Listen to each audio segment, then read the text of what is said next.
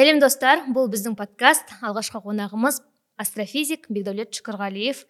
Ә, бүгін біз аспан әлемі космос ғаламшарлар туралы әңгіме айтамыз. Ендеше алдымен мынадай сұрақ. Мысалы менің түсінігімде ә, сол ғалам туралы космос туралы ол жер шар тәрізді және ол күнді айнала қозғалады. Ә, мысалы күн жүйесінде тоғыз ғаламшар болды бұрын қазір сегіз деген сияқты. Сондай ә, сұрақтар сондай тақырыптардың негізінде ғана қалыптасты. Енді соны тереңнен айтқым келіп тұр бірақ алдымен мына нәрсені біліп алайық. Астрофизик деген кім және оның астрономнан қандай айырмашылығы бар?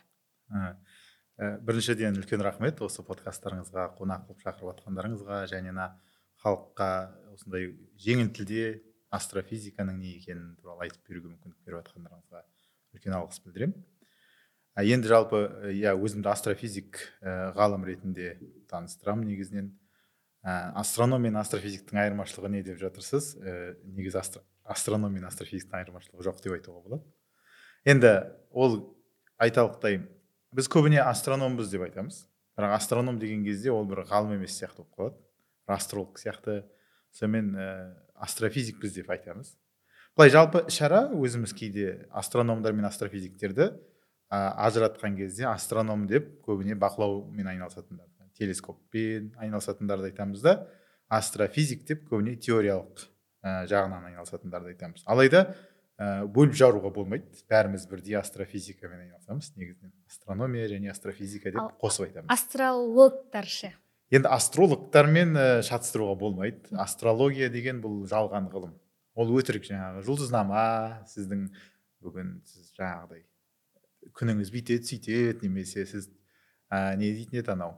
Торпақ ә, арыстан деген сияқты. Жұлдыз жорамал. Оның бәрі өтірік нәрсе жалған. Ол ертеде ежелде сондай бір сиқырмен айналысқан адамдардан қалған бір ә, мұра. Ол мұра біздің бүгінгі күнге сай келмейтін сондай надандықтың мұрасы. Алайда адамдар сенеді ә, енді оған әртүрлі себептер болады ғой. Жалпы психологиялық тұрғыдан біреу бірдеңеге сенгісі келеді. Бірақ жалған нәрсе сондықтан біз оған түбегейлі қарсымыз және ә, сіз астрологсыз ба деген кезде кішкене ашуымыз келеді. Иә. Ал енді астрофизик ретінде біз ә, ғылымның жалпы космостың физикасын зерттейміз. Физика деген ғылым бар ғой. Бұл болмыс туралы. Ә, жалпы мысалы тартылыс күші осы біздің жердің бетіне тартылып тұрғанымыз қалай немесе материалдың ә, құрамы да қандай? Ә, оның атомдардан тұратын оның ядролары бар деген сияқты жаңағыдай. Ә, және әртүрлі құбылыстардың болуы мынау термодинамика механика осы сияқты нәрселердің бәрі қамтылады. Астрофизиканың ішінде физиканың барлық квантовый механикаға дейін түгел қамтылатын үлкен бір ғылым. Мхм. Жаңа біз айтып өттік қой қазір қазақстанда бір астрофизика саласын қатты қызу талқылап бастап кеткен сияқты. Жалпы мысалы зерттеушілер не үшін осыны қызу талқылап жатыр? Қызығушылықтан ба әлде қажеттіліктен бе деген сұрақ. Енді былай жеке өзіме қатты ондай тренд байқалмады негізі. Бірақ астрофизика жалпы астрономия туралы айтатын болсақ астрономия деген кезде біз көбіне жұлдызды аспан туралы айтамыз. Осы жұлдызды аспан көбін қызықтырады. Кез келген балалық шақтан бәріміз білеміз. Мысалы өзім ауылда туып өскем ә, кейде күн ыстық болып жазда далада ұйықтайтынымыз болатын әкем жатып алып анау не мынау не? деп сұрап жұлдыздарға қызығатынмын. Сол сияқты түнде түнгі аспанды көрген адам жұлдызға қызығады. Сондықтан астрономия ол жалпы былай астрономия әр, әрдайым трендте болған нәрсе ғой. Анау қандай шоғыр мынау қандай не? деген сияқты. Ал енді бүгінгі күнгі астрофизика одан әлде қалай әлде қалай көп дамыған бұл ең алдыңғы қатарлы технологиямен байланысты. Ә, технология қалай дамиды? Технология даму үшін бір ә, сұраныс болу керек. Мәселен осы микрофонның жақсы болу үшін ол оның жақсы дыбыс жаза алатынына сұраныс керек иә. Әшейін микрофонмен де жаза беретін едім ғой бірақ мынау неге деген кезде оның арнайы бір жиіліктерде маған естілу керек мына арасындағы шуды тоқтату керек деген кезде оған жаңа бір нәрсе қосылады. Сол сияқты әлемде жай адам қолданбайтын бір сұраныстар туғызатын сала болса керек. Сол сала технологияны алдыға қарай былай жетелейді яғни алдына шығып. Соның бірі астрофизика.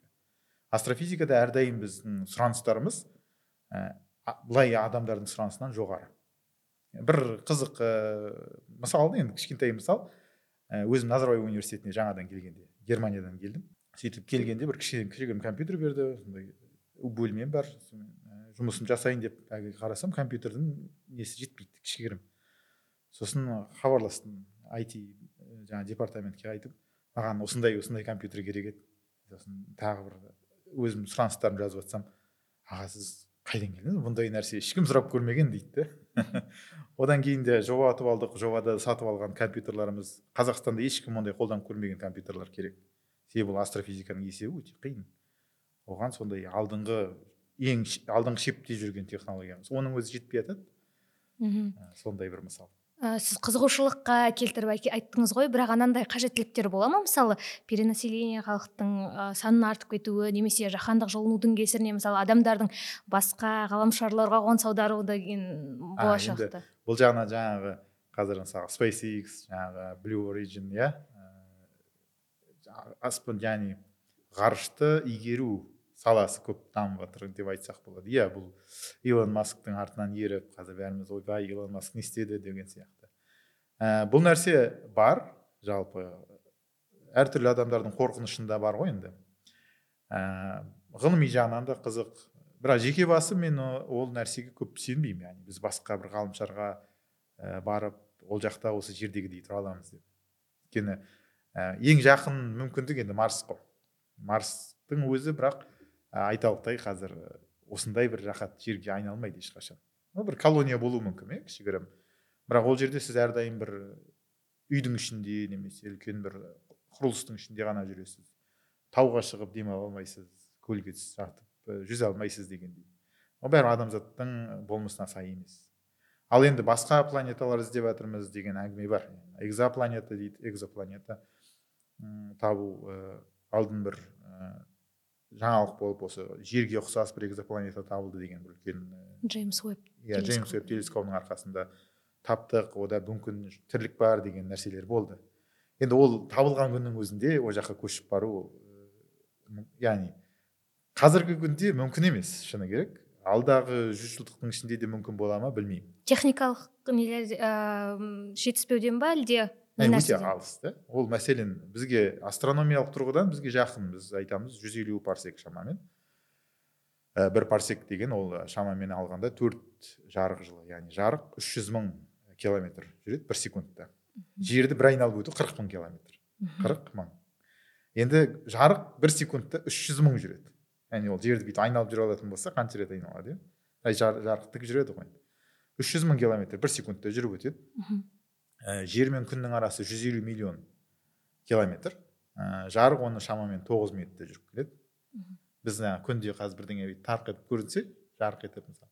Ол 9 минут бұрын болып кеткен негізі. Жарығы тек енді келіп жатқан болады енді осындай жылдамдықпен кете берсең бір жыл жүресің екі жыл жүресің төрт жыл жүргенде жаңағы бізге ең күнге күннің жанындағы ең жақын жұлдызға жетеді.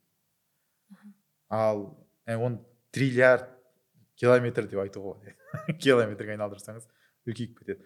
Одан ары қарай кете берсе жүз елу парсек яғни жүз елу төртке өтсек төрт алты жүз жыл жүреді жарық. Жылдамдықпен ал жарықтың жылдамдығына жету оңай зат емес оған. Өте үлкен құдірет керек. Ал біздің қазіргі жетіп отқан жылдамдығымыз мысалы марс марс енді мынау тиіп тұрған жер ә, жаңағыдай жүк таситын кемені бір жылда әрең жеткізеді жүгі бар болса. Бір жыл марсқа дейін ғана жүретін болса. Ал айға дейін? Айға дейін енді оңайырақ қой. Айға дейін қанша бізде? Қазір екі жүз сексен а төрт жүз мың километр. Оған осы бір бірнеше күнде барып келіп жүреді. Мүмкіндік бар оған. Бірақ ол жақта тіршілік жоқ. Айда тіршілік жоқ айда атмосфера жоқ біріншіден ай біздің жердің бетінде тіршіліктің болуы неден? Ол біздің ауамыздан да. Атмосфера бар ауа қабаты бар. Бұл бір жағынан сондай мөлдір бізге демалуға ыңғайлы. Екінші жағынан сырттан келген радиацияны ұстап қалады. Мәселен ультрафиолет бар мынау нелерде? Больницаларда кейде соны дезинфекция үшін қолданады. Да иә. Оны қолданғанда шығып кетіңдер де әйтпесе күйіп қаласың. Сол ультрафиолетті біздің атмосферамыз жұтып қояды да жерге дейін жетпейді.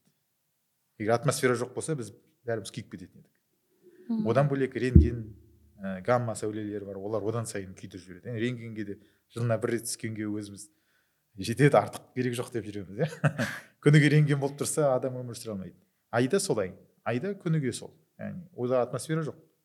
Екіншіден айда тіпті магнитосфера жоқ. Біздің жердің айналасында ондай магниттік өзінің магнитосфера деген аймағы бар. Ол анау күннен бөлінетін ә, альфа бөлшектер деп атаймыз. Яғни протондар былайша айтқанда электрондар мен протондар бөлшек ретінде ұшып келеді қатты жылдамдықпен сол келген кезде жаңағы ионосферадан өте алмай айналып бүйтіп екі полюсқа түседі. Осы кезде жердің бетінде өмір сүру тіршілікке мүмкіндік беріледі. Яғни бұл бір оазис жасалған. Арнайы жасалған иә. А анау жаңағы ә, нелер бөлшектер жерге тікелей түсетін болса ол бірден организмдерді өлтіріп жібереді. Мм демек айда тіршілік жоқ. Ал Айда тіршілік бар планеталарды экзопланета деп атаймыз иә? Экзопланета деген басқа күн жүйесінде орналасқан планеталар. Ал біздің мысалы марс пен ә, шолпанды мысалы зерттеліп жатырған олар экзопланетаға жатпайды. Ол өзіміздің планета бар яғни мынау біздің күн бар күнді айналып жүрген сегіз планета бар. Сосын тағы планетоидтар бар көптеген. Ол біздің күн жүйеміз. Енді осы сияқты басқа күн деген ол жұлдыз. Жарқыраған көп жұлдыз көреміз ғой. Иә. оның әрбірі бір күн сияқты негізі үлкен үлкен жұлдыздар. Бізге тек кішкентай болып көрінеді алыстан қарағанда. Ә, олардың жанына барған кезде олардың жанында да өзінің планеталары болады. Барлығында емес кейбірлерінде. Сол басқа жүйеде орналасқан планетаны экзопланета деп айтамыз. Осы экзотикалық деген сияқты. Ғой иә экзопланета болу үшін мысалы планеталарда ол жақта қандай белгі болу керек? Мысалы атмосферасы сәйкес келу керек деген сияқты су оны бөлек яғни барлық планета экзопланета ол қандай болса да бір жұлдызды айналып жүрсе болды. Ол экзопланета болып саналады. Ал енді экзопланеталардың арасында ә, жаңағы голдилокс аймағында жатқан э, экзопланеталар деген нәрсе бар. Голдилокс деген мынау ә, үш аю мен алтын шашты қыз деген ертегіден шыққан ғой кезінде. Ол анау э, тым үлкен емес тым кіші емес анау дәл келеді дәл келеді деген сияқты ғой. Иә иә. Сол э, дәл келетін аймақ сондай бір кішкентай бір аймақ бар. Сол аймақта ә, өзінен өзінің жаңағы жұлдызынан алатын жылуы ол жердегі суды қатырып тастамай немесе буға айналдырып жібермей ұстап тұратын бір температурада ә, жылу ала алатын болса соны жаңағы ағылшынша айтқанда кейде habitable zone дейді. Яғни тіршілік етуге мүмкіндік беретін аймақ қысқартқанда голдилокс аймағы деп айтады сондай аймақта орналасқан болса оларды біз тіршілік етуге мүмкіндігі бар экзопланеталар деп айтамыз. Яғни ағылшынша біз көбіне habitable exoplanet деп айтамыз. Бірақ ол тек э, көп шарттардың бірі ғана. Ол жерде екінші шарт оның атмосферасының дұрыс болуы. Атмосферасының құрамында жеткілікті дәрежеде мысалға оттегінің болуы. Қаншалықты оттегі бар ол жерде. Ә, немесе азот сияқты нейтралды газдың болуы өте маңызды. Ә, одан бөлек мысалы метан сияқты улы газдардың аз болуы деген сияқты нәрселер керек та. Ә, ал енді анау жаңа айтып кеткен жаңалықтың қызық жері ол ә, сол өзге жұлдыздың жанында тұрған кішкентай планетадан шыққан газдың ә, спектрін алады. Яғни мынау спектр дегеніміз мынау жарық түседі ғой бір жерге. Сонда мынандай призма қойсақ бала кезде мектепте көрген шығарсыз мысалы мынандай үшбұрышты әйнек болады. Бір жағынан жарық түскен кезде екінші жағынан не кемпір қосақ көрінеді. Яғни мынау күннен шыққан жарық негізі ақ жарық дейміз. Сол ақ жарық жеті түске бөлінеді бүйтіп оның бөлінуі физикада ә, жарықтың сынуын айтамыз. Фотондар дейміз кейде. Немесе бұл бір ә, толқындар электромагниттік толқындар. Мысалы толқындар болса әрбір түрлі жиілігі болады ол толқынның. Жиі жүретін толқын немесе жай жүретін толқын. Осының жиіліктерінің өзгеше болуы түске байланысты. Қызыл болса көкке қарағанда ол мысалы көк мынандай тез жүретін болса қызыл оған қарағанда жай жүретін болады. Осындай толқындар. Сол призмадан өткенде олар бөлінеді. Әрбір толқын өзінің аймағына түседі. Енді тап осындай нәрсе кез келген жарықта болады. Сонда ана планетада бір молекула бар болса сол молекулаға сәйкес келетін сызықтар болады. Соны мынандай спектрге бөлгенде әрбір сызық әр молекулаға сәйкес келеді. Сол арқылы оның құрамын біле аламыз мына жерде отырып алып анау алыстағы планетаның құрамында не бар екенін көре аламыз солай. Сөйтіп көрген кезде көмір сутекті бір молекуланың ә, маркері көрінген. Яғни ол жерде бір көмір сутекті молекула бар. Ол жиі кездеспейді. Оның кездесуі үшін көмір сутекті молекуланы шығаратын бір нәрсе керек екен белок сияқты бір нәрсе болу керек деп ойлаймыз. Сондай бір тіршілік бар болса ғана ол шығады деген ә, теория арқылы бәлкім ол жерде тіршілік бар деген ойға келді. Бұл к екі он сегіз деп аталған иә К2 18, экзопланет туралы иә. бұны джеймс коп ой джеймс уэбб телескоп анықтады. Бұны ә, жо джеймс веб телескоп бұл осы алды жақында шыққан енді ең үздік телескопымыз ғой. Теле- а, яғни космоста жүрген. Оның өзінің ерекшеліктері бар ол туралы да қазір целый бір подкасттар жүруге болады. Ол өте үлкен ә, және ә, сондай алыстағы объектілерді жақсы көреді. Сонымен қатар спектрға түсіре алады космоста. Сол сол арқылы яғни осы спектрін көріп ғалымдар ә, сол спектрдің ішінен тауып алды джеймс веб телескоп өзі тауып алған жоқ оны ғалымдар сол арқылы тауып алды иә ә, есімін ұмытып қалып тұрмын кішкене қиындау мына неден ә, ұлыбританиялық ғалым негізі сол жаңалықты айтқан. Алдыңғы бір санадағы ә, неде нөмірімізде сол туралы біраз әңгіме айтқанбыз негізі. Иә көр, көрдім. Ә, жақсы экзопланеталар туралы айттық. Демек күн жүйесіндегі бізде планеталар олар олай ете алмайды. Дегенмен ішінде өмір сүруге тіршілік болуы мүмкін. Планеталар ол тек қана марс пен венера ғана ма? Әлде басқа планеталар әлі зерттеліп болмай жатыр ма? Ә, жоқ ә, мәселен венера шолпанда. Шолпанда өмір сүру мүмкін емес. Өте қиын. Оның шолпанның атмосферасы көмір қышқыл газынан тұрады толықтай. Оның ішінде жаңағы парниктік эффект дейміз ғой. Парниковый эффект деген бар. Жарық ішіне түскен кезде ә, жарық қашан түседі? Жылыта бастайды. Ә, шолпанның ішіне түскен жарық қайтадан кез келген нәрсеге түскен жарық одан шағылысады ғой. Сол кезде егер атмосферада көмір қышқыл газы көп болса ол оны қайтадан шағылыстырады сыртына шығармайды. Сөйтіп ішіне кірген жылудың бәрін ішінде ұстап тұратын бір сондай не теплица сияқты ғой. Салып қоямыз ішіне түскен жарық сыртына шықпайды ішінде ғана жүреді қыстың өзінде жылы болып тұрады. Сол сияқты шолпан бір үлкен теплица. Бірақ ол сондай сондай нәрсе оның іші 280 градусқа дейін қайнап жатыр ал марста? Минус алпыс градус па? ал марста ә, керісінше оның атмосфера қабаты жұқа және көбіне ә, неден азоттан тұрады. Сосын ол жерде оттегі жоқ мүлдем атмосферасында. Және оның оған түскен жарық яғни әдеттегі жердегі сияқты сыртына шығып кете алады шашырап кетеді. Түнде жаңағыдай минус алпысқа дейін оңай барып жатады марстың бетінде. Бірақ марс оған қарағанда кішкене оңайырақ болуы мүмкін. Яғни минус алпыс градус ол тым жаман емес. Егер жақсы жылумен қапталған үйшігіңіз болса ішінде тұруға болатын шығар. Бірақ ол жерде оттегі жоқ. Бізге оттегі ең маңызды ғой. Оттегі мен көмір қышқыл газы керек. Екеуі де жоқ. Көмір қышқыл газы болса біз ол жерге өсімдік өсіріп одан оттегі алуға болатын еді. Бірақ ол жоқ ол жерде. Енді оттегіні басқалай алу керек. Және су жоқ. Бізде мысалға көл ағып жатыр өзен бар. Ә, мұхитымыз бар. Ал марста шу жоқ. Ал сусыз өмір жоқ. Сондықтан ол жерде өздігінен тіршілік бола алмайды. Тек қана адам барып бір нәрсе қылып өмір сүрмесе марста басқалай өмір сүре алмайсыз. Сонда мысалы ақш тың батыс елдерінің SpaceX жаңағы илон масктың сәтсіз болуы мүмкін ба марсқа сапары? Ә, бәлкім иә. Енді марсқа сапар жасағанда қазір қазіргі күнде марсқа бару өте қиын деп айттым ғой. Оның бірнеше себебі бар. Мысалы ә, бірде мынау еуропа ғарыш агенттігінің ә, астронавттар дайындайтын орталығы бар. Сонда жұмыс жасайтын игорь дроздовский деген ә, әріптесім бар. Екеуміз бір конференцияда жолығып әңгімелесіп қалдық. Ә, астронавттарға сабақ береді ол кісі. Негізі астрофизик болған бұрын. Кейін сол жаққа сабақ беріп кеткен. Ә, содан сұрадым қызықтап. "енді неге марсқа бармай жатыр адам? Енді мамансың ғой деп.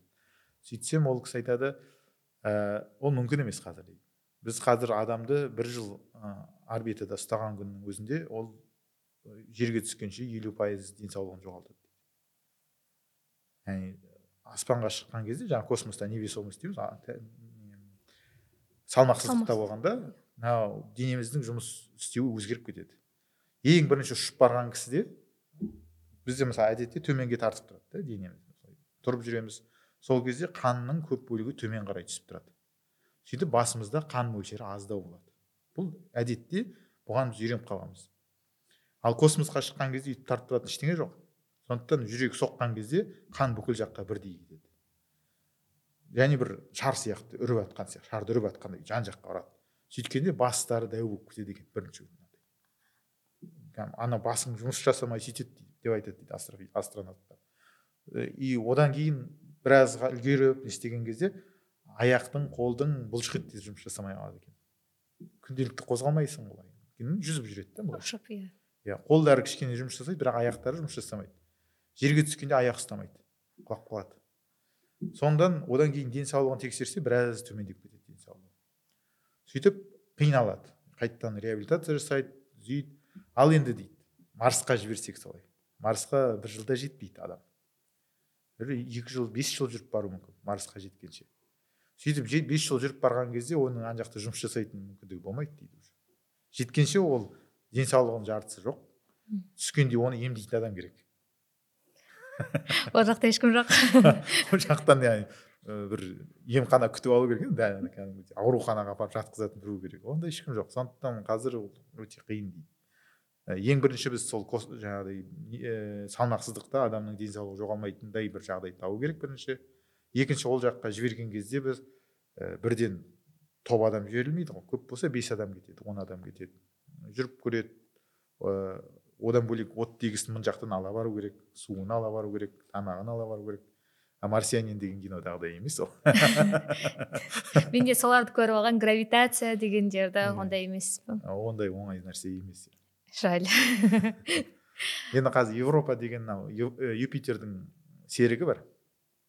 Юпитердің серігі еуропа деген. Сол жерге бір қызығушылық оянып жатыр. Себебі ол еуропаның беті түгелімен мұз. Енді басты кезде адамдар ойлайды ол мұз бәлкім түгел мұз шығар немесе ол түбіне дейін мұз болар деп. Бірақ ол мұздың астында сұйық су бар сияқты.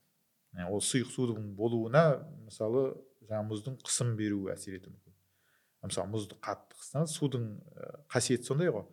Судың тығыздығы ысытсақ суды. Мысалы бір стакан суды алып ысытатын болсақ оның көлемі өседі. Тығыздығы азаяды. Ал суытсақ кішірейеді. Иә. Сөйтіп мұзға айналдырсақ одан сайын қатты не істесе қайтадан өсіп бастайды. Yani, судың тығыздығы нөл градуста а, плюс төрт градуста ең төменге барады.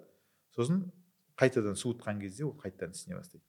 Ауылда бәлкім енді көп адам байқады мысалға бізде болатын ауылда. Бұрын су таситын едік қой. Құдықтан су әкелеміз сосын қыстың күні ол сыртта қалады.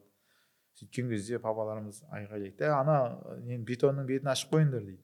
Не болды деп енді жауып тастаймыз ғой герметичный олай болмайды ашып қойыңдар деп. Неге? десем жарып жібереді дейді. Содан кейін көрдік. Қалып кетеді сыртта. Беті жабылған. Мұз болып не қатқан кезде ана ісініп сыртындағы темірді жарып жібереді енді оны не үшін айтып отырмын? Айтайын дегенім енді осындай бір мұзды алып үстінен сығатын болсаң бір пресспен басылса ол еріп кетеді. Оның тығыздығын көбейткен кезде молекулалар бір біріне жақындап оның температурасы плюс төртке дейін түседі де еріп кетеді. Ал енді еуропада жаңағыдай толық мұз жатырса ол мұз бәрібір астына қарай басады ғой. Ең түбіндегі мұзға қысым келеді. Сол қысымнан бұл мұз қатып тұра алмай еріп кетуі мүмкін да сөйтіп астында сұйық су болуы мүмкін ол мұздың ал сұйық су болса бәлкім тіршілік те болуы мүмкін ол мүмкін. Дегесін сол жаққа мына еуропалық агенттік пен ә, жаңағы наса өздерінің жер серіктерін жіберейін деп жатыр. Арнайы серіктерін жіберіп мұзды қазып астына кіріп тексеру керек болып тұр.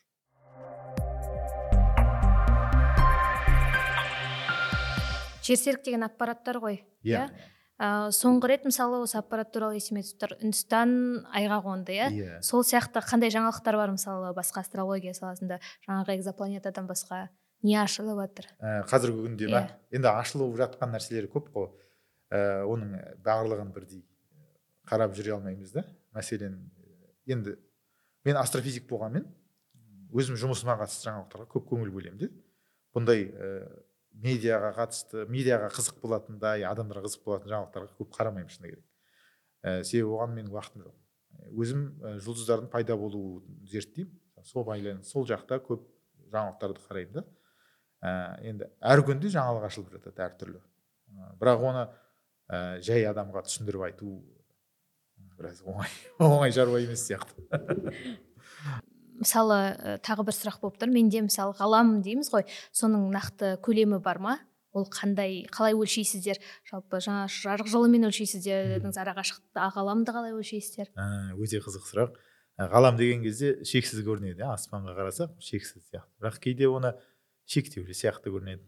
Енді ғылыми тұрғыдан зерттеген кезде әртүрлі телескоптармен қарап көреміз. Қашықтықты өлшеудің бірнеше әдісі бар. Ә, оның жаңағы біз ғылыми тұрғыда кейде ағылшынша ladder on ladder дейді yani баспалдақ үстіндегі баспалдақ деген әдіс бар. Мәселен ең алыс жатқан нәрсені көре алмаймыз. Мысалы біз жалпы қашықтық өлшеуде өзіміз бара алатын жерді мысалға аттап та метрмен ә, километрмен өлшеп бастаймыз ғой бүйтіп. Сөйткізген кезде біздің өзіміздің жете алмайтын жеріміз болады. Мысалы оны қайдан білеміз? Қалай есептейміз дейміз. Сол кезде мына астрономиялық өлшеудің әдісі ә, бұрышпен өлшейді. Мынау жердің айналысын есептейміз. Мысалы күнді жер айналып тұрады иә әрдайым. Сол жердің мысалға жаз кезінде алып бір жұлдызды бақыласақ сосын қыс кезінде бақыласақ кейбір жұлдыздар бар қозғалмайды орындарынан. Кейбір жұлдыздар бар былай да былай қозғалып тұрады неге олай қозғалады десек ол олардың қозғалысынан емес біздің қозғалысымыз екен.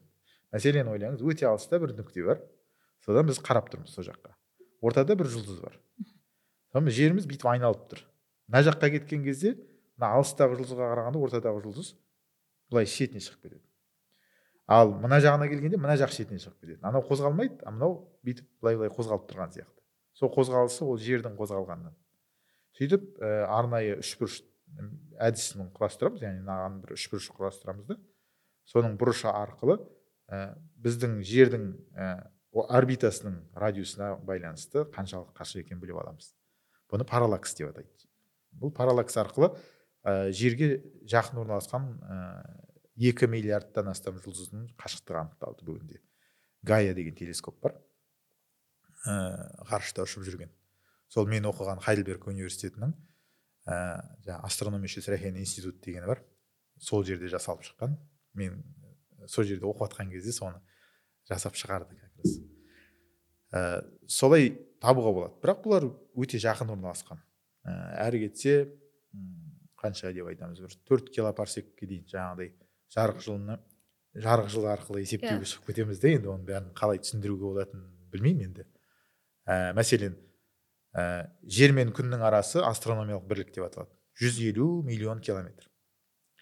Ә, ал жаңағы парсек деп отырғанымыз ол 265 мың а 206 мың 265 астрономиялық бірлік болады.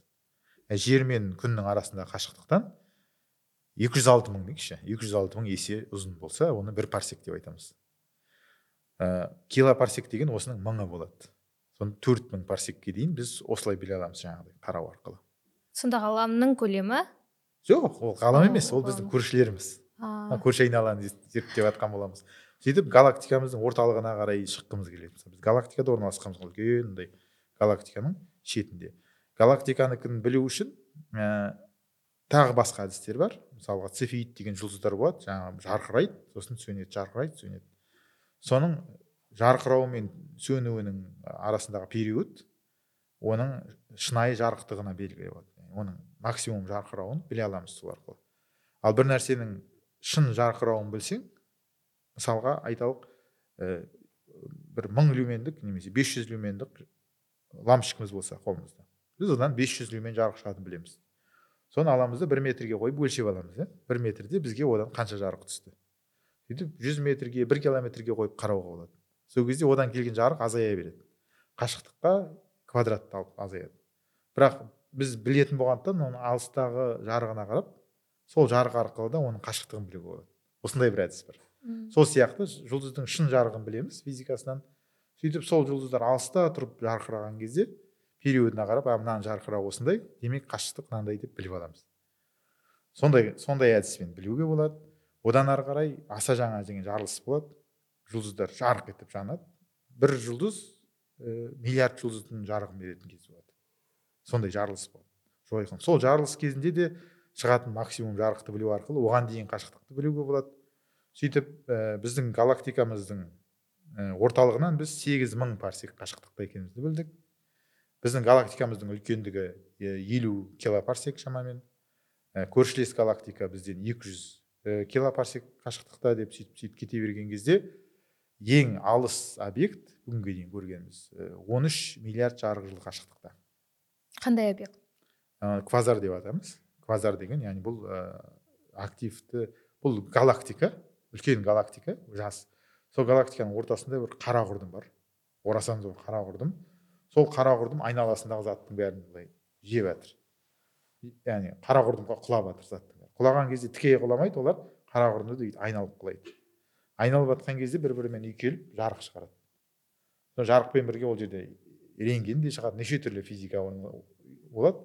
Орасан зор жарық шыққан кезде ол 13 миллиард жыл бұрын болған нәрсе бізге сол жарық жүріп келіп өзінің жылдамдығымен жетіп жатыр. Жақсы қызық. Ә, қара құрдым дегенді нақтылап кетейік. Ол не? Және ол шынымен де ана кинода болады ғой ішіне. Жұтылып жұтылып иә ішінде жұтып жұтып жатыр ма әлде? Олай қауіпті емес па ә, қара құрдым деген бұл ә, астрофизикалық объект оны солай атайтын себебіміз тығыздығы сондай үлкен. Ә, массасы да сондай ә, зор. Оның бетіне түскен нәрсе қайтадан шығу үшін ә, жарықтан да жылдам жүру керек болады. Мысалы бізде жер бетінде ә, бірінші екінші ғарыштық жылдамдық деген түсінігіміз бар. Мысалы жер серік шығаруыңыз керек болса оның жылдамдығы кем дегенде сегіз километр секунд болу керек. Сол кезде ол жердің атмосферасынан шығып мынандай шеңбер орбитаға шыға алады. Бірінші ғарыштық жылдамдық. Сосын екінші ғарыштық жылдамдық деген бар ол жерден шығып кетіп қалу үшін. Осындай жердің яғни тартылыс күшін жеңуге қажетті жылдамдық қой. Осындай қара құрдымның бетінен тұрып оның тартылысын жеңу үшін о, заттың жылдамдығы жарықтан да тез болу керек. Үш жүз мың километр секунд жеткіліксіз болады. Ал физикада біз білеміз жарықтан жылдам еш нәрсе жүре алмайды. Мүмкін емес. Жарық ең жылдам жүретін объект. Демекки оған түскен жарықтың өзі шыға алмайды. Қара құрдымға не түссе ол нәрсе кері шыға алмайды. Ішінде қалады мәңгіге. Сондай бір тығыз және массивті нәрсе. Ал оның ішінде не болып жатқанын біз білмейміз әзір сол сол іші қалай болатыны белгісіз себебі оның ішіндегі орташа тығыздықтың өзі ә, біз білетін заттың тығыздығынан әлдеқайда көп. Яғни біз білетін заттар тығыз заттарды білеміз ғой. Мысалы өзіміз білетін заттардан көп нәрсені білеміз де ең тығызы мынау деп. Иә темір анау бірақ иә. Бірақ а, оның бәрі атомнан тұрады түбінде. Атом дегеніміз яғни ортасында ядросы бар сосын молек, электрондар айналып жүреді. Электрон мен э, ядроның ортасында көп қашықтық бар негізі. Сөйтіп мына электрондарды жұлып алса ядроның өзі өте тығыз нәрсеге айналып кетеді. Сондай ядролардан ғана тұратын жұлдыз бар нейтрон жұлдызы деп айтамыз. Мәселен ә, нейтрон жұлдызды түсіндіріп кететін болсам мысалы алматының жанындағы алатау бар ғой алатау. Сол алатаудың бәрін алып бір спичканың мындай сіріңкенің коробкасына сыйғызып қоятын болсам сіріңкенің қорабына. Аха. Ойлап көріңіз да алатау қайда алатауды. Иә. Жинап аласыз да сығып сығып сығып мындай бір сіріңкенің қорабына сыйғызып жіберетін болсаңыз. Тығы не деген тығыздық иә? Иә. Бұл нейтрон жұлдыздың тығыздығы. А қара құрдымның тығыздығы одан да өтіп кеткен. А нейтрон жұлдыз дегеніміз бұл тек қана нейтрондардан тұрады жаңағы атомды ойладық атомның ортасында ядро бар протондар нейтрондар сосын айналып жүрген электрондар бар қашықта. Енді осының бәрін оны былай деп те айтуға болады мысалға қызық болсын айталық. Жаңағы мен ядро деп тұрмын ғой сутегін алайық сутегі деген бір протоннан сосын бір электроннан тұрады. Соның протоны ол бір ә, жаңағы ручканың басындағы шарик бар кішкентай. Сондай болса егер қойып қойсаңыз. Әлгі жанындағы электрон осыдан 100 метр қашықтықта бүкіл сфераны толтырып тұрады. Бір электрон. Сол жүреді өзі осылай. Еш нәрсе кіре алмайды ортасына. Сондай бір сол ана электронды алып тұрсаңыз қаншалықты кішірейіп қалады иә. Бірақ массаның бәрі осы протонда. Сондай етіп кішірейткен кезде жаңағы нейтрон жұлдыз пайда болады мысалы. Ал қара құрдым одан да тығыз мм. Демек қара құрдым мысалы ә, қауіпті ма оның тартылыс күші қатты болса ол ғаламшарларды жұтып қоюы мүмкін ба? Ол тек ғаламшар емес жұлдыздарды да жұтып қояды. Жұлдыздарды айналасындағы нәрсенің бәрін жұтып қоя алады. Жақсы. Жерге қауіпті ма? Жоқ жерге қауіпті емес. Себебі алыс орналасқан. Себебі алыс орналасқан. Яғни жерге ең жақын орналасқан қара құрдымды білмейміз енді қай жерде екенін. Бірақ ә, бізге белгілі ә, қара құрдымдардың ішінен ә, жақын орналасқанның өзі ә, қаншалықты? Бірнеше мың парсек қашықтықта орналасқан. Ә, ол жерге жетпейді олар ешқашан. Немесе жер оларға бармайды да. Жолда тұрған жоқ. Жақсы. Ал жерге мысалы басқа аспан денелерінен төнетін қауіп бар ма? Мысалы метеорит соғып үлкен Ә, жерді. енді ол қауіптен ешқашан ә, арыламыз деп айта алмаймыз.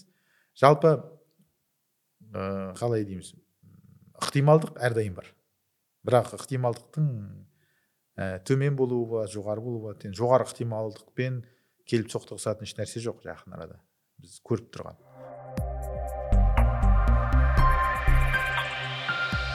Ә, жаңағы мысалы айттық қой басында үндістанның аппараты айға қонды деген сияқты. Иә. мысалы біз ол жақта енді практикалық нұсқа- ә, түрде көрсетіп жатыр істеп жатырған жұмыстарын. Ал біздің ғалымдарда мысалы сондай мүмкіндік бар ма? Практикалық жағынан жұмыс істейтін немесе кассат ішіп жатыр ғой деймін ба? Ә, қалжың.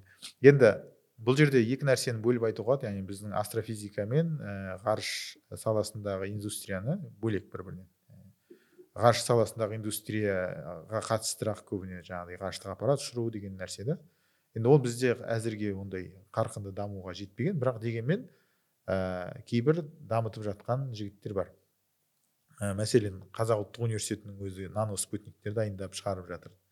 Сол сияқты. Ол енді жаймен жаймен ә, көңіл бөлінсе іске асырылатын нәрсе деп ойлаймын. Оның үстіне біздің байқоңырымыз бар. Жалпы мүмкіндігіміз көп. Тек ә, жақсы ғалымдар керек. Ә, іске іскер жігіттер мен қыздар керек та соны іске атқаратын. Енді біз астрофизиктер кішкене одан басқаша жұмыс атқарамыз біздікі көбіне ғылыми мәселе. Ә, ғылыми зерттеулер енді бізде ғарыштық аппарат шығарғымыз келеді бірақ ол өте қымбат болып тұр әзірге. Одан бөлек ондай ғарыштық аппарат жасайтын компаниялар жоқ. Мысалы наса не үшін керемет жұмыс жасап жатыр. Себебі насада ә, біріншіден олар жақсы қаржыландыру бар. Екіншіден ә, ол жақта насамен жұмыстас көп компаниялар бар. Жекеменшік компаниялар келіп жұмыс жасайды. Насаның аппараттарын ә, наса өзі жасамайды ешқашан. Оның жобалар қылып бөліп береді. Міне осынша ақша бар. Осындай технология жасау керек. Сосын арнайы компаниялар келіп жасайды. Одан бөлек онда ғылымда негізі спин деген нәрсе бар яғни бір нәрсе зерттеп жатып содан бір нәрсе басқа шығарып алып оны коммерциализаттандыру болады. Осындай нәрсе насада өте сондай бір ә, орнына қойылған да кез келген мына джеймс вебтің өзінен мыңдаған технология шыққан. Бір телескоп дайындап жатқан кезде. Оның ә, жалғыз бір мысалы мынау ә, көзге қазір ә, ота жасау оңай болып кетті. Байқайтын шығарсыздар. Осы күні очкиін тастап жатқан адамдар көп. Көзілдірік кимей неге? Себебі барады оның жаңағы көзін коррекция жасап береді оп оңай. Сондай керемет аппараттар жасады. Ол аппарат қайдан пайда болды? Джеймс вебтен шықты сол білсеңіз. Иә джеймс веб телескобын жасаған кезде үлкен айна жасады. 29 айна жасады. Жиырма жеті айна сол айналардың бетінің ә, жаңа айналар бәрі бір біріне қатар қойылған кезде ана араның ұясы бар айналар болады. Сол айналар бір бірінің жанына қойылады. Гүл сияқты ашылады ол негізі. Сөйтіп ашылып түскен кезде барлығы бір айна болу керек. Айналардың арақашықтықтары айнаның бетіндегі мынау ә, қисықтығы парабола болатындай болу керек. Бір бір бет болып түсу керек. Ол беттің сәл сәл бүйтіп қисаюына болмайды. Тіпті микрометр қисайып кетсе ол жұмыс жасамай қалады ертең. Соның микрометр деңгейінде дәлдігін өлшеу керек болды.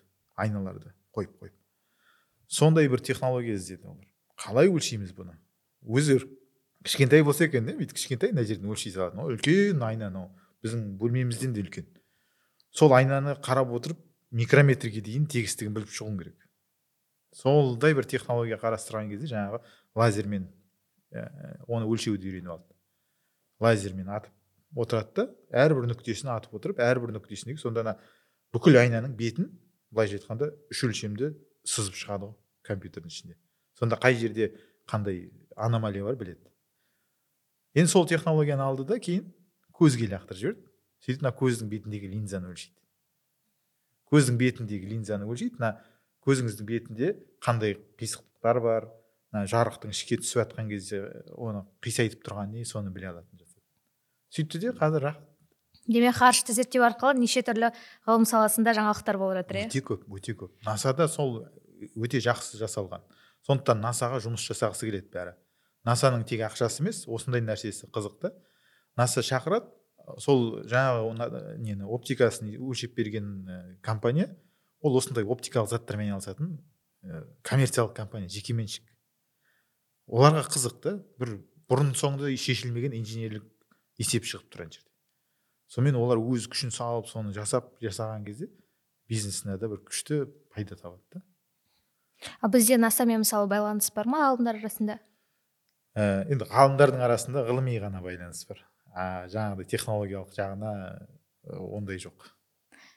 Оған енді шынымен жақсы компаниялар керек та. Мысалы қазақстанда да наса сияқты болу үшін ол тек мемлекеттің ақшасына бүйтіп қарап отыруға болмайды.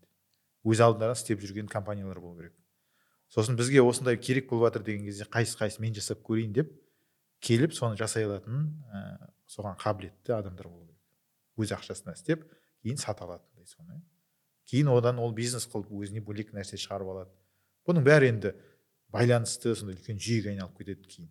Алайда бізде қазір ол қиын. Бізде коммерциализацияландырайық деп ақша бөліп жатыр қазір. Бірақ негізі фундаменталды ғылымның өзі дұрыс дамымаған жерде ғылымды коммерциализацияландырамын деген ол дұрыс нәрсе емес негізі. Мүмкін емес шынын айтқанда қазір коммерциализацияландыру деген ғылыми жобаларды қарасаңыз олар сондай көп бөлігі бос нәрсе. Тек ақша құрту. Одан да ғалымдардың потенциалын көбейту керек деп есептеймін. Мәселен енді қазір ақша бөлініп жатыр құдайға шүкір жақсы ғой.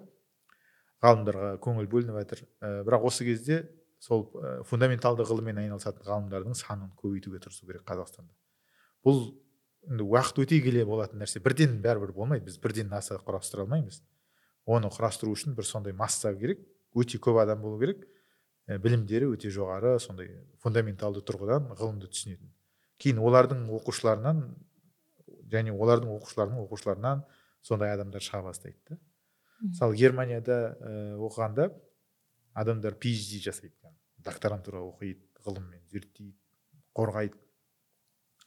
Сөйтеді де ғылымды тастап кетіп қала салады оп оңай бірақ оларды қабылдап алатын компаниялар оларға мұқтаждық білдіріп отыр шынымен. Ғарыштық технология жасайтын компаниялар немесе әртүрлі технология жасайтын компаниялар докторантура бітіріп келген жігіттер мен қыздарды өте қуана қуана жұмысқа алып өздерінің есептерін шығартады. Ал бұл ғылыми зерттеуде жүрген адам ол былай әмбебап болады негізі. Кез келген салаға барса соның түбегейлін сол жерде зерттеп ана нәрсені алдыға жылжытуға мүмкіндік бар а қазақстанда олай жоқ қой енді ондай емес. Ғылымда болса ғылымда жүреміз да. Бізде оған серьезно қарамайтын сияқты иә бәлкім солай. Немесе ондай есептермен айналысатын компаниялар жоқ. Бізде көбісі саудамен айналысады ғой. Қытайдан алып келесің де сатып жібересің рахат. жақсы. жаңағы жерде джеймс веб телескопы туралы білгім келген нәрсе қалды. Ол мысалы басқа телескоптардан бұрын соңды болған аппараттардан несімен ерекшеленіп тұр сонда. Ә, бұл енді ғарыштық телескоп болуының өзі үлкен нәрсе. Мысалы оған дейінгі болған ғарыштық телескоп хаббл телескопы бәріміз білеміз. Хаббл телескопы негізі 10 жылға шығарылып 30 жыл жұмыс жасап берді. Сондай керемет бір нәрсе болды. Соның орнына шыққан телескоп. Және бұл хабблдан ә, хабблдан мысалға хабблдікі екі жарым метр шамамен болса диаметрі айнасының бұныкі алты жарым метр. Хабблдан әлдеқайда үлкен.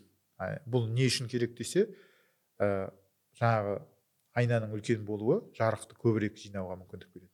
Хабблдың көзі жетпейтін нәрсеге көзі жетеді джеймс веб телескопының осы джеймс веб телескопының арқасында біз ең алыс орналасқан объектілерді көріп жатырмыз біріншіден. Екіншіден оның ә, ажыратылымдығы үлкен. Мәселен қазіргі адамдар телефондағы мегапиксельмен жақсы түсінеміз ғой. Мысалы төрт мегапиксель жақсы ма қырық мегапиксель жақсы ма деген сияқты иә? Yeah. сол жағынан қарағанда джеймс вебтің хабблдан жаңағы несі көп ажыратылымдылығы көп. Мегапиксельдері көп өте жақсы алады. Үшінші жағы ә, джеймс веб телескопы ғарышқа шығарылған бірінші спектрограф яғни спектрге түсіре алады. Бұл заттың ә, химиялық құрамын анықтай алатын ең бірінші ғарыштық телескоп сөйтіп жақында бір химиялық нені анықтады иә? Жаңағы к екі он иә сегізде жаңағы сол а, экзопланетаның бетіндегі молекуланы анықтауға сол сол мүмкін. Ал жер бетінен оны көре алмайтын едік. Себебі атмосфера қабаты бар ғой бізде. Сол атмосфера қабатынан өткен кезде жарық азая береді. Сөйтіп жерге жеткенше ол жарық көрінбей қалады. Мхм. Осы экзопланетаны жаңағы к екі он сегізді неге олай атаған? Қазір мысалы мүмкіндік бар ма? Белгілі бір аспан денесін ашып жіберіп өзіңнің атыңды беру деген сияқты. Былай бастайық иә. Ертеде ә, бір жаңа нәрсені табу оңай болған жоқ та әркім қарап отыр іздеп сөйтіп тауып отыр. Сөйткен кезде анау пәленше мынау пәленше деген атақтар қояды. Ә, қазір енді технология дамыған кезде ә, анықтаудың жолы автоматты түрде болады мысалы бір телескоп шығарады сол телескоп жаңағы көп нәрсені бірден қарап соның ішінен ә, алгоритм арқылы компьютерде іздеп мынау бұрын болған мынау бұрын болмаған деп анықтап отырады. Сөйткен кезде ол біреу екеу емес қой олар мыңдап анықталады да. Мың нәрсеге мың түрлі адамның атын атап көшенің атын атағандай емес. Оның бәрі каталог арқылы аталады. Яғни жаңағы кеплер деген телескоп ұшып шықты. Телескопқа кеплер деп атады. Сөйтіп кеплер телескопы арқылы анықталған объектілер кеплер каталогында тұрады. Яғни к дейді де к нөл нөл нөл бір к нөл нөл нөл екі төрт бес алты мың екі мың кете береді. Сондықтан солай әртүрлі каталогтармен айналады. Мысалы ngc деген каталог бар немесе msr каталог. Сөйтіп каталогтың атын айтады да сол каталогта бұл ә, объект нешінші болып тұр? Бірінші екінші үшінші жүзінші мыңыншы он мыңыншы сонымен атай береді. А кейбір объектілерді күнмен атайды. Мысалы транзиентті объекттер деген болады. Жарқ етеді жоғалып кетеді. Одан кейін оны сіз көрмейсіз ешқашан. Сондай жарқ етулермен де біз ә, назарбаев университетінде айналысамыз. Ә, сол жарқ еткен жұлдыздарды күнімен атайды. Мысалы күні қай жыл? 18 сегізінші жыл болса 18 сосын қай? 12 екінші ай жиырма бірінші күн. Он сегіз он екі жиырма бір қосу дейді сағаты минуты секундын жазып қояды. Ол сол атауы сол болады сосын. Енді ал енді біреудің атын атау деген қазір ғылымда жоқ ондай. Және ол ә, былай практичный емес қой енді біреуге атақ керек. Атақ құмар біреуге сатып жібермесең оның да ешқандай пайдасы жоқ. Мүмкін астрофизиктерге мотивация болатын шығар. Жоқ ондай мотивация болмайды. Себебі әр нәрсеге әртүрлі ат беру бір жағынан адамды шатастырады иә. ол не керек? Ә, енді өте бір маңызды зат болмаса ешқашан оны басқа нәрсемен шатастыра алмайтындай маңызды бір нәрсе болмаса басқалай каталогтың атауымен атаған ол оңай. Себебі іздеген кезде де сол туралы әңгіме болған кезде де каталогтан тез тауып аласың оны басқа каталогқа байланыстыру оңай болады шатаспауға болады. Мыңдаған объектпен жұмыс жасаған адамға ол еді деп іздеп отырмыз түсінікті.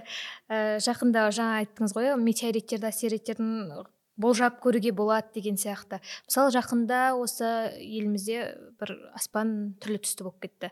Мысалы соны теріске шұғыласы деп атау алды иә ат- Иә, сондай иә. нәрсе. Соны нақты болжадыңыздар ма және болжаған нәрсе болса оны халыққа хабардар қылып отыру керек па халықты сондай нәрсемен? Енді ә, бұл солтүстік шұғыласын ә, болжау оңай? Арнайы ә, оны зерттейтін институттардың тіпті веб парақшалары бар. Сол жерде бүгін қандай болады ертең қандай болады деп көруге болады. Ондайдың бірі жапонияда ә, институтта бар сосын неде бар? Бір американдық институтта бар. Және де бірнешеуі бар шығар мен оның бәрін ә, қарамадым. Ә, және оны болжауға болады оңай болжау күндегі болған нелер ғой? Бірақ оны халыққа хабарлайтындай бір ә, нәрсе деп енді ойлаған жоқ ғалымдар бұған дейін ал осы біздің қазақстанда байқалу шынымен ә, ерекше бір жайт болды да. Ә, оны бәлкім ғалымдар білді яғни есептеулерден де көруге болады архивтерден. Бірақ оны енді қызық болады деп ешкім ойламаған шығар сондай қарауға болады деп. Ә, хабарлап отырудың да қажеті бар ма жоқ па білмеймін енді. Халықтан сұрау керек шығар сендерге қажет па? Осы жолы қажет болған сияқты ғой. Жақсы басқа бір нәрсе туралы сұрағым келіп тұр. Ә, мысалы астрофизиктер ә, келімсектердің бар екеніне сене ма а ә, инопланетянин дейтін едік қой. Ондайға сенбейміз. Ә, ол мүмкін емес деп есептейміз. Себебі ә, жаңа айтып өткен мына өзіміздің күн жүйесіндегі планеталарда ә, интеллигентті ә, тірліктің бар ә, жоқ екені белгілі. Бар болса ол көрінетін еді. Ә, ал енді басқа бір жерде интеллигентті тірлік бар болса оны да байқайтын едік дейміз. Тіпті америкада арнайы жоба бар үлкен. Сети деп аталады. Search for extraterrestrial intelligence деген. Яғни жерден тыс ә, интеллигентті іздеуге арналған бағдарлама. Оның шығуының тарихы кезінде бір радио телескоппен біздің радио антенналар бар ғой телевизордан сондай сияқты радио антеннаны аспан зерттеу үшін қолданады астрономдар. Сөйтіп аспандағы сигналдарды зерттеп жатқан кезде бір вау деген сигнал бар. Ә, әдеттегіден бөлекше бір сигнал келеді. Соны вау сигнал деп атайды. Ә, не бұл бір тіршілік иесінің белгісі сияқты көрінеді. Біреулерден келді деп есептейді сөйтіп қайтадан іздейді бірақ табылмады одан кейін. Соны арнайылап соны іздеу үшін үлкен институт құрылды бағдарлама көптеген жобалар жасалды. Әзірге ештеңе тапқан жоқ. Сондықтан жерден тыс ә, тіршілік яғни ақылды тіршіліктің ә, белгілі түрі әзірге жоқ. Бірақ оны жоққа шығара алмаймыз білмеймін себебі миллиардтаған жұлдыз бар. Ә, оның әрбірінің планеталары бар мысалға. Ә, бәлкім болар бәлкім жоқ шығар. Ал фотолар ше таралып кететін. Ал ол нәрселер енді ол жердің бетіндегі адамдардың жасап жүрген нәрсесі шынын айтқанда. Енді біреуге атақ керек біреуге хайп керек иә? Алдында бір мексикада екі келімсек бүйтті сөйтті одан кейін торт болып шықты деді ме білмеймін әйтеуір. Ә, өтірік нәрселер да біреуге атақ құмарлық жаңағы атың шықпаса жер өрте деген бар ғой. Атың шықпаса бір келімсек тауып ал дейсің да. Сондай нәрселер да ә, сөйтіп адамдар кейде адамға елестейтін болады бір нәрсе көзіне елестейді ә, адамның өзінің ойынан да туындайтын заттар болады сондай нәрселер көп қой одан бөлек жалпы енді рухани бір құбыжықтардың болуы мүмкін жер бетінде бізден басқа ә, олардың да көрініп қалу кезеңдері байқалатын болар бірақ ә, бір, бәріне бірдей бүйтіп ә, айтатындай нәрсе емес яғни а, шын мәнінде әзірге жерде қожайын болып отырған біз адамдар. Сондықтан басқа ештеңе жоқ. Жақсы. Бірақ бұл жоқ дегенде бар дегенде екеуі де нақты дәлелденбеген гипотезалар ғой. Ә, осындайларды мысалы астрофизиктер өзара қалай осындай ақпараттың гипотезалардың дәлдігін қалай өлшейді өзара? Енді мысалға жаңа сети деп айттым ғой. Бұл бізге көрінген бүкіл объектілерді бақылаймыз да. Сол жерде арнайы сигналдар бар ма? мысалға ә, табиғи сигналдар болады. Табиғи емес сигнал болуы мүмкін. Сол табиғи емес сигналдар бар ма? соны анықтау үшін арнайы жасалған бағдарлама жұмыс жасап жатыр. Әзірге бірде бір табиғи емес сигнал анықталған жоқ бәрі табиғи.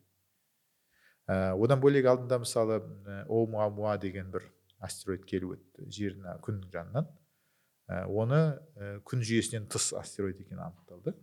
Яғни оның траекториясынан және құрамынан байқады біздің күн жүйесінде жоқ нәрсе. Күн жүйесін келіп яғни кесіп өтіп кетті. Солдың келімсектердің корабль болуы мүмкін деген сияқты бір тұжырым болды бір кісіде. Бір ә, ғалым бар. Ә, неде харвардта. Сол кісінің өзі сондай болуы мүмкін бе деп айтты да. Енді сөйтіп біраз өзіне қаражат қаражат жинап алғаны бар. Ғылыми зерттеулер жасауға. Бір жағынан не шенеуніктермен жұмыс жасауға жақсы тақырып та бәлкім. Алайда тікелей дәлелі болған жоқ. Оны дәлелдей алған жоқ. Ешкім ешқандай да ол жай тас болып өтіп кетті. Бірақ оның ә, яғни несі дейміз ғой? Түрі қызық та ұзын әдеттегі тасқа ұқсамайды. Бірақ ол енді бізге солай түсініксіз болып қалды. Келді кетті қайтып келмейді ешқашан. Оның, оның орбитасы сондай болды да. Гиперболалық орбита деген болады. Мысалы күнге бүйтіп қатты келеді де жақындап тез ә, үдеп кетіп қалады қайтып айналып келе алмайды. Сондай жылдамдықпен өтіп кетіп қалды. Сондықтан енді сондай сияқты болып көрінді. Бірақ ол енді келімсектер емес шығар. Ә, оның бар болса одан шыққан бір радиосигналдар байқалу керек қой. Мысалы біз бірақ енді кейде біз өзіміз сияқты ойлаймыз. Құдай біледі иә? Қандай болады оның бәрі. Бірақ енді жерге же- жететіндей технология болу үшін ә, көп күш керек. Оңай емес ол. Мәселен бізге ең жақын орналасқан экзопланета жаңағы проксима центавр. Мен альфа центавр деген ә, не, жұлдыз бар иә? Сол жұлдыздардан сол жұлдызда мысалға тіршілік бар болса ең жақын көршіміз ғой былайша айтқанда. Сол көршілер бізге келем десе жарық жылы ол жерге төрт жыл жүріп барады дедік. Жарық жылына жете алмаймыз десек. Енді ә, қате- ең болғанда жарықтан мың есе жай жүретін бір технологияға жетсек яғни ол дегенің үш мың километр бір секундта. А, оңай емес ол да. Біз қазір 20 километр секундқа мәз болып отырмыз. Сөйтіп мың километр секундпен жылдамдықпен жүретін біреу болса ол ол жерден төрт мың жыл жүріп келеді.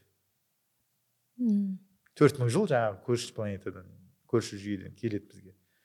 Сөйтіп төрт мың жыл жүріп келсе не істейді ол? Біреудің жігері жаңағы бақшасына сурет салып ой кеттік дейді пранк жасап кеттік. Төрт мың жылдан кейін қайтып келесіз. Онда олардың ғұмыры да төрт мың жылдың екі есе үш есесіндей болу керек қой иә? Иә. Демек адамның да басқа планетаға баруына сондай уақыт керек. Жылдықтар керек. Енді бірнеше жаңағы поколение ауыстырып. Яғни сөйтіп біреу келетін болса ол қалады да. Кетпейді ол ешқайда. Қалғасын көбейеді көбейгесін ол көрінеді. Иә. Ал енді ондай жоқ болса демекки жоқ. Пока біз. Жалғызбыз. Иә әзірге жалғызбыз деп ойлаймыз. Жоқ деп айта алмаймыз себебі жоқ бір нәрсенің жоқтығын ә, дәлелдеу үшін жалпы логикада да оның болу мүмкін жердің бәрін аралап көру керек. Мүмкін емес. Сондықтан жоқ деп айта алмаймыз. Ал енді бар екенін дәлелдеу негізі оңай бар болса көрсету керек та көрсете алмасақ тағы дәлел жоқ сондықтан әзірге дәлел жоқ ешқандай. М, түсінікті. Енді астрономиядан сіз мойындамасаңыз да астрологияға ауысайық. Мысалы қазір ә, жаңағы ретроградный меркурий ә, жаңағы полнолуние жұлдыз жорамал деген нәрселерге сенеміз ғой қазір. Сол жерден тыс ортада болып жатқан ә, Құбылыстар. иә бізге қаншалықты әсер етеді? Ете ма? Әсер етпейді. Ешқандай әсері жоқ шындығында. Яғни ол айталық ай да? Айдың жерге әсері қандай? Айдың жерге әсері ә, гравитациялық тұрғыдан тартылыс береді. Ол тартылыстан бізде толысу күштері болады. Мына ә, мысалы біз енді қазақстанда білмейміз оның толысудың не екенін. Оны ана мұхиттың жағын жағалауында тұратындар жақсы біледі. Ай толған кезде су толады оларда. Жағалауға өсіп кетеді ай кеткеннен кейін қайтадан түсіп кетеді. Бұл ай ай ай жер күн үшеуі бір бір сызықтың бойына орналасады ғой. Сол кезде бұны жаңағы толысу күші деп атайды физикада. Осы сызықтың бойымен тартатын күш көбейіп кетеді екі жаққа қарай. Сөйтіп жердің бетінен екі жаққа тартады да судың бәрі екі бұрышына жиналады сөйтіп мына мына бетте су керісінше кішірейіп кетеді. Тартылып кетеді. Сонда мына жақта толып кетеді. Осындай әсері бар. Бұл физикалық әсері жаңағы айына екі рет орындалып тұрады. Ай толғанда және жаңа ай болғанда. Прилив отлив болып тұрады. Ал ек- екінші әсері енді ол сол бар әсері сол енді. Ол адамды көтере алмайды да түсіре алмайды да біздің салмағымызға да әсер етпейді. Ол тек жаңағы суға әсер етеді. те- мұхитқа екінші әсері жарық түсіреді түннің уақытында иә. Одан түсетін жарықтың да бір көп емес қой енді. Жылытпайды бізді. Жолымызды көруге ғана бір сәл көмектеспесе басқалай. Ә, радиация ештеңе келмейді одан. Яғни басқалай әсері жоқ. Енді күн айдың басқалай әсері болмайды. Ал енді басқа планеталар олар бізден тіпті алыс орналасқан олар тіпті бір молекуланың өзінің орнынан қозғалуына әсер етпейді. Бар болғаны сол. Ә, ал енді біз тіршілік иесіміз ғой кішкене ойланамыз бір нәрсеге қараймыз шолпанға қарап жол таба аламыз дегендей мысалы. Сондай бір нәрсе ретінде әсері болады да. Бірақ оны біз өзіміз жасаймыз. Ә, одан бөлек жалпы астрологияға қатысты менің жеке өзімнің бір қалыптасқан пікірім бар. Неге ә, бұл нәрсеге адамдар сенеді? Және оның ішінде шындық бар ма дегенді іздеген кезде мысалы жұлдыз жорамалдың қате екенін бәріміз түсіне аламыз. Себебі күнделікті қарап отыр ол ол жердегі біріншіден айтылған нәрсе жалпыламаны болады сосын ә, адамзатты жалпы он екіге бөлуге болады онда иә? Сөйтіп ә, бүкіл адамзаттың он екіден бірінің бір күні бірдей болу керек болады. Мүмкін емес. Қанша миллиард адам бар иә? Тіпті қазақстандықтардың өзін алайық. Оның ішінен тек ересектер шамамен 12 миллион деп алайық та. Сонда миллион адам қазақстанда. Күнін бірдей өткізе ма өткізе алмайды иә? Сондықтан миллион адамға сәйкес келетін бір нәрсе жазу керек. Сіз таңертең тұрасыз бәлкім тұрмайсыз. Ерте тұрасыз может кеш тұрасыз. Сөйткен кезде күн шығып тұратын шығар может бұлт болатын шығар. Деген сияқты әңгіме да енді. Сөйтеді де біреу тұрып тұрады да ә, тұрасыз деп айтты тұрдым мә мынау дұрыс айтты деген сияқты да. Енді өтірік нәрсе ол. Оны анықтау өте оңай. Екінші жағы біреулердің енді е жоқ шындық сияқты деп келгендер болды. Қалай дәлелдейсің десем мінездеріне қарашы дейді мен қарадым мынау. Жаңағы кімдер мысалы скорпиондар немесе торпақтар дей ма козерогтар дейді бәрі мынандай аналар мынандай дейді да шын мен көрдім деп сөйтіп келеді. Бәлкім иә. Бірақ ол оның жұлдыз жорамал яғни несі сондай болғаннан емес. Оның дүниеге келген уақыты сол болғаннан себебі адам адамның мінезіне анасының ә, көңіл күйі әсер етеді. Мысалы анасы құрсағында көтеріп жүрген кезде баланы. Соның анасының әрбір мінезі әрбір қылығы көңіл күйі балаға беріледі. Сөйтіп баланың мінезі іште жатқанда ақ қалыптасады. Біз ойлаймыз ғой баланы өскеннен кейін қалыптасты деп. Бір ескі бір әңгіме бар біреу келеді мен баламды қалай дұрыстап тәрбиелеймін деп бір данышпанға. Сөйтіп қашаннан бастап тәрбиеледің дейді. Тіл шыққаннан бастап дейді. Кеш қалыпсың ғой дейді. Құрсаққа түскенден бастау керек еді дейді. Иә енді сол ә, оны не деп айтайын деп отқаным мынау біздің 12 жыл адамның істейтін әрекеттері әртүрлі ғой әр, әр жыл мезгілінде әртүрлі әрекетпен айналысамыз. Бірақ бәріміздің айналысатын әрекетіміз ұқсас болады. Көктемдегі кезіміз жазымыз. Соған сәйкес жаңағы ортақ бір нәрселер болады да. Бір мезгілде дүниеге келген балалардың ортақ аналарының айналысқан ортақ нәрсесі немесе жеген ортақ тамақтары соған берілуі мүмкін балаға содан балада сондай бір мінез пайда болатын шығар. Сөйтіп солай болады да. А ол ол кезде күн ана неде тұрғаннан емес екіншіден оның жалған екенін дәлелдеу де оңай. Егер күнді қазір қарасаңыз жаңағы павелованың айтып тұрған орнында емес ол. Біраз былай қарай жылжып кеткен. Қазір күн уақыт жылдам өтіп жатырған сияқты әсер қалдырады адамға. Неге? Оған күннің мысалы жаңағы жердің күнді жылдамырақ айналып жатқан болуы мүмкін бе? Тик ток кінәлі деймін ба оған қандай ондай ешқандай несі жоқ. Яғни физикалық тұрғыдан уақыт өтуі сол күйінше болып жатыр. Белгілі бір ә, сондай анық бір түрде байқалатындай ештеңе көрінген жоқ. Тек адамзат үшін ғана уақыт тез өтіп жатқан сияқты. Яғни таңертең тұрасың кеш батып сияқты. Неге деп ойлаймыз. Себебі біздің жаңағы көңілімізді аулайтын нәрсе көп. Әрбіріміздің қалтамызда бір телефон оның ішінде қыруар нәрсе бар. Жаңағы ватсап әңгімелесуіміз ә, ютуб қарайды инстаграм қарайды. Инстаграм бір, бір ашқаннан кейін бір сағатта бір жабасын деген сияқты да. Сонымен адам көңілі шашырап кеткен. Өзінің нақ қазіргі сәттегі өмірінің рахатын сезінбейді. Сосын уақыт тез өтіп кетіп жатқан сияқты болады. Ал физикалық тұрғыдан уақыт сол күйінше сол мың жыл бұрынғыдай. Жақсы соңғы сұрақ. Мысалы қазір енді біз бұл туралы айттық. Дегенмен қазір ғаламда мысалы қай ел қалай зерттеп жатыр және біз үшін біздің астрофизиктер үшін қандай мүмкіндіктер жасалу керек? Ә, енді әр әркім өзінің мүмкіндігі жеткен жерінде ғой енді. Мысалы америка жақсы көңіл бөліп жақсы зерттеулер жүргізіп жатыр.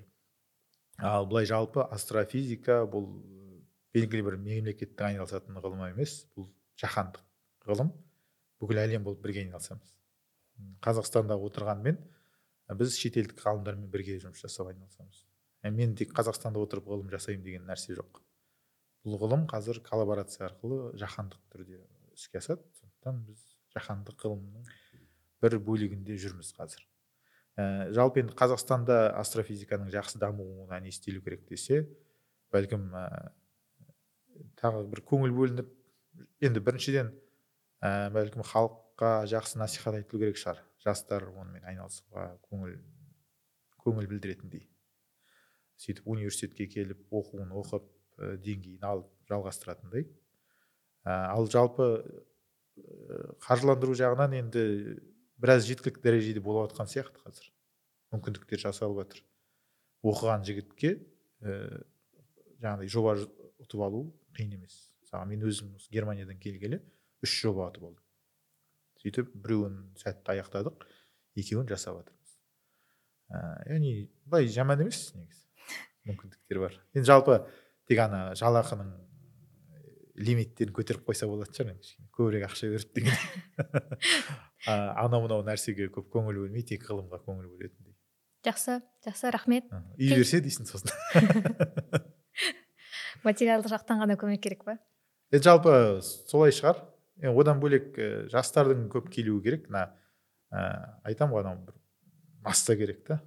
Адам көбейту керек болып тұр да қазақстанда. Қазақстанда қазір астрономия айналысатын адамдардың барлығын танимын десем өтірікші болмайтын шығармын. Жеке. Бетпе бет барлығымен кездесіп шықтым деп те айтуға болатын шығар. Енді барлығымен емес шығар бірақ сырттай міндетті түрде бәрін танимын.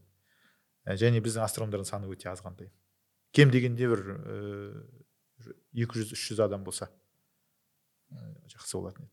Енді оны да шақырудың бір жолы қазір материалдық қой басқалай қалай шақырасың? Иә. Сол сосын бір нәрсе айтайыншы астрологияға байланысты. Ә, кейде астрологияны рас сияқты көрінетін ә бұрын ертеде ә, бұл бір сағат қой. Жаңағы планеталар ай күн деген ол үлкен бір сағат. Сағаттың тілдері сияқты. Жаңағы ретроградный меркурий дегеніңіздің болатын өзінің периоды бар. Ол әрдайым сонша уақытта ғана келіп тұрады. Егер сіз соның бәрін периодын білсеңіз ол сізге бір сағат болады. Мысалы ә, болашақта немесе өткен шақта бір өткен нәрселердің уақытын айтқыңыз келсе сол планета ана планета ана жерде болғанда мына планета мына жерде болғанда деп айтсаңыз уақытын дәл айтасыз енді ә, болашақты білудің басқа бір әдісі бар болса сізде айталық.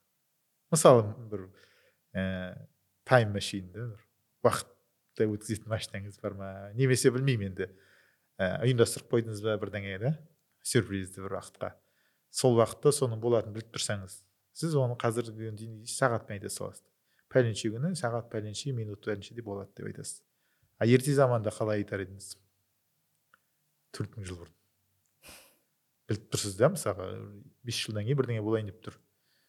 Ә, бірақ оны дәл айта алмайсыз ғой бес жылдан кейін деп. Уақытын дәл айтқыңыз келіп тұрған минутына дейін. Ешкімде сағат жоқ қой. Лондонның сағаты бойынша деп айта алмайсыз. Соны білетін бір ғалым кісі болса не дейді? Айтады. Күн пәленше жұлдыздың жанына келгенде меркурий теріс қарай жүргенде шолпан пәленше жұлдыздың жанынан өткенде сендерде осындай бір жағдай болады деп айтады. Содан қалған мә мынау сосын келесі қайтадан соны күтіп жүреді да ана шолпан сол жерге келгенде осындай болады деп болмайды да ол себебі болашақты білудің басқа жолымен біліп алады да жұлдыздарды сағат ретінде қолданады а қазіргілер надан білім жетпейді оған шынымен сол жұлдыздың тұрғанына солай болады екен деп әлі жүр. Сондықтан павел глобаны тыңдамаңыздар. Астрологияға сенбеңіздер. Жақсы рахмет. Келгеніңізге рахмет күшті әңгіме болды деп ойлаймын. Сәттілік жұмысыңызға. Жақсы рахмет сіздерге де. Сіздерге де сәттілік. Осындай подкасттарыңыз көп болсын.